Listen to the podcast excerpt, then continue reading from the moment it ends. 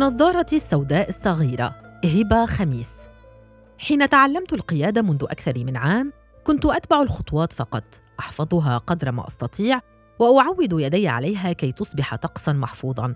أفتح باب السيارة وبعدها أتفقد المياه في القربة. ثم أعود للكابينة وأنزل فرامل اليد مع إدارة المحرك بهدوء دون تحريك السيارة.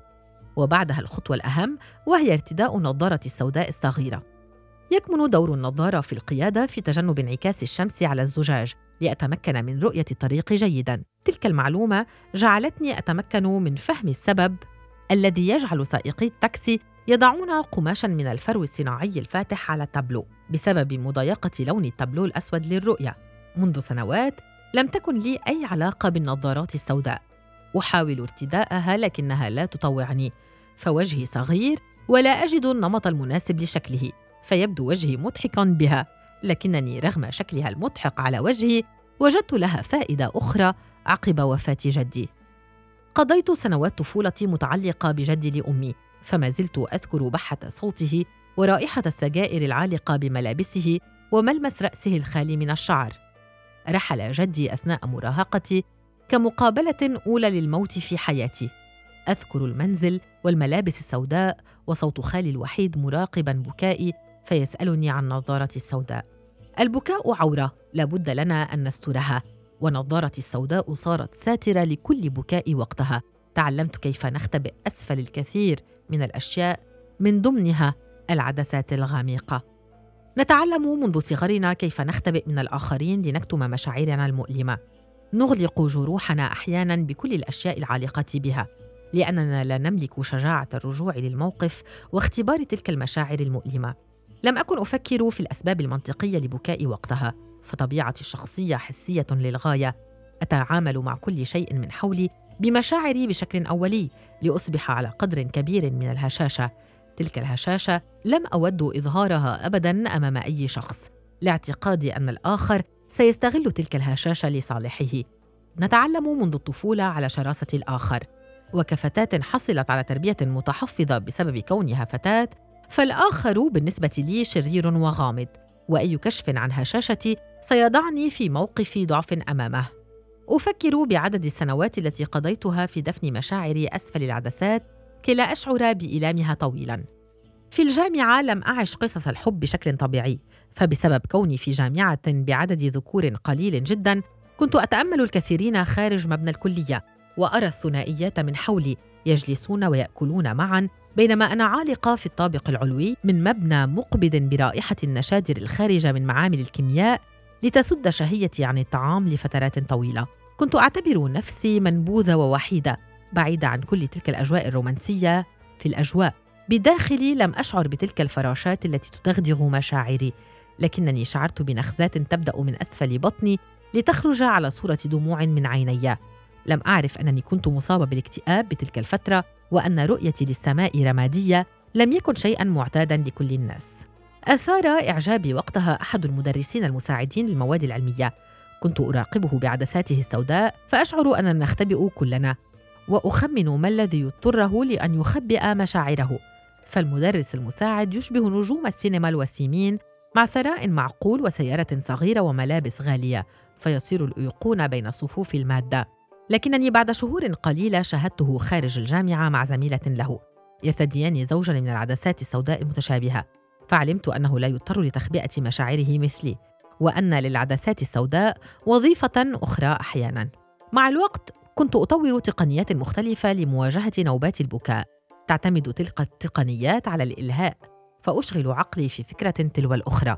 وهكذا حتى أخرج من تلك النوبات التي تجعلني أتمسك بالنظارات السوداء من قراءة الكتب لمشاهدة المئات من المسلسلات والأفلام لتأليف القصص نفسها.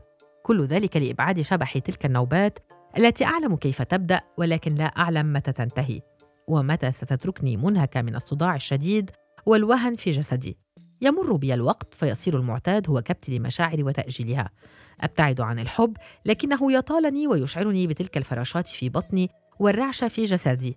حينما أسمع صوت ذلك الحبيب لا يخرج كلامي منتظما ابدا معه. دائما هناك ذاك الغباء وعدم ترابط الجمل لكنني كنت واقعة في الحب وبدل ارتداء نظاراتي السوداء الصغيرة كنت أرتدي نظاراته التي لا أرى بها ولكنني أضحك كثيرا وتبتعد عني نوبات البكاء كثيرا كأن المسافة بيننا صارت دهرا وأنني صرت نسخة سعيدة مني. لا نحتاج الكثير من التوصيف لنشخص أنفسنا باكتئاب ما بعد الولادة. فمع الاعتياد على نوبات الاكتئاب العادية نلمس اختلاف ما نحن عليه. فتبدأ نوبات الأرق والسواد حول العينين. لحظات إدراك أن الطفل الذي يبكي يخصني وينتظرني أنا وليس أحدا آخر مع أزمة ذوباني داخل مظلة الأمومة. كنت لا أعمل ولا أكتب ولا أفعل أي شيء أحبه باستثناء أنني أم. وحينما أخطو خارج المنزل لا تفارقني العدسات السوداء. بسبب شكل عيني المرهق ودموع الجارفة التي تنهمر في لحظات سريعة. ما زلت أذكر كم مرة انفجرت من البكاء على المقعد الخلفي لسيارات الأجرة. وكيف على صوتي ونبضات قلبي فور بدء ذلك الألم أسفل بطني متحركا صوب عيني. في إحدى المرات بكيت بحرقة على أغنية سألوني الناس لأنها ذكرتني بالحبيب الذي يحتضر. بكيت مرة بسبب بحثي عن النقود لمحاسبة السائق واكتشاف أنني لا أملك نقودا كافية. لأنني اعتدت وجود شريك لي يحمل هم المال. بكيت مرات أمام الكاشير في السوبر ماركت حينما اكتشفت أنني ابتعت الأشياء للحبيب الذي رحل دون إدراك ذلك. مرات ومرات تلصق العدسات بعيني وتخفي حقيقة مشاعري ودموعي الساخنة. يسخر الكثيرون من علاقة البكاء بالفتيات وكيف أنهن يواجهن حزنهن بالبكاء في العمل أحيانا. بكيت مرات كثيرة في دورة المياه بالعمل دون أسباب واضحة. وخرجت بالكثير من المبررات حول احمرار عيني بسبب نوبات بكائي صرت أعاني من نوبات صداع لا تنتهي مع أرق وانسداد شهية والكثير من الأعراض التي جعلتني خاملة ومرهقة من عمل أقل شيء. حينما أعود لتلك الفترات كنت أعي وجود درع يحيط مشاعري. كان مريحا ويسمح لي بخروج مشاعري التي لم أعد أعلم كيف أتحكم في كبتها.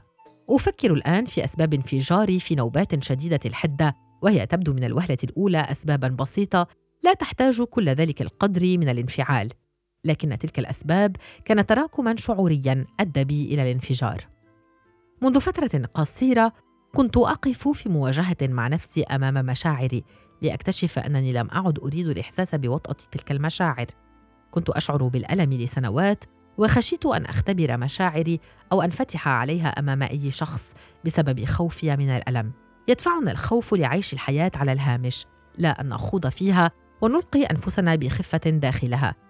أدركت في تلك الفترة الأخيرة أنه يجب علي مواجهة خوفي من الفقد وخوفي من الآخر الذي يكشف هشاشتي أحمل الكثير من المشاعر داخلي وأكبتها كثيرا لتخرج بشكل مختلف. في داخلي مشاعر حب جارفة تشتاق إلى الخروج لكنني أكبتها. أتجنب أحضان أمي وصديقاتي وحتى ابني الصغير كي لا أعتاد إظهار مشاعري. وكم كان ذلك مؤلما بحق الشعور بأنني لا أعلم كيف أنفتح أمام من أحبهم وكيف أخبرهم بأنني لست بخير معظم الأوقات. مع الوقت والعمل على فهم نفسي قلت نوبات بكائي صارت الحياة محتملة. أتحرك بتخفف دون ثقل على قلبي وأختبر تغير مشاعري وأتقبلها للدرجة التي غيرت وظيفة العدسات بالنسبة لي. صارت ملازمة لي أثناء القيادة لكنني أمسك نفسي بين وقت وآخر بدموع ساخنه وطازجه تنحدر من عيني لوجنتي ثم تسقط لتذكرني بأنه لا بأس بأن أحزن أحيانا. فأتوقف عن القيادة وأخلع نظارتي بهدوء وأستمر في البكاء على ما يحزنني طالما أنني لا أكبت مشاعري المؤلمة وأستسلم لها لترحل عني بهدوء. أتذكر الجملة التي لازمتني في جلسات ورش الكتابه المقدمة للدعم النفسي التي صرت أديرها مؤخرا. لا بأس بأن نختبر مشاعرنا المؤلمة مرات عدة لكننا لا يجب علينا أن نغرق فيها لنطفو فوق تلك المشاعر بخفة وانسيابية. مشاعري بحر دموع أطفو عليه فأبتل أحيانا وأغرق أحيانا لكن كل ذلك يرحل. تهدأ الآلام أسفل بطني وتنتهي نوبة بكائي سريعا فأرتدي العدسات السوداء وأكمل طريقي بقلب تحرر. من ذلك الحزن الخفيف.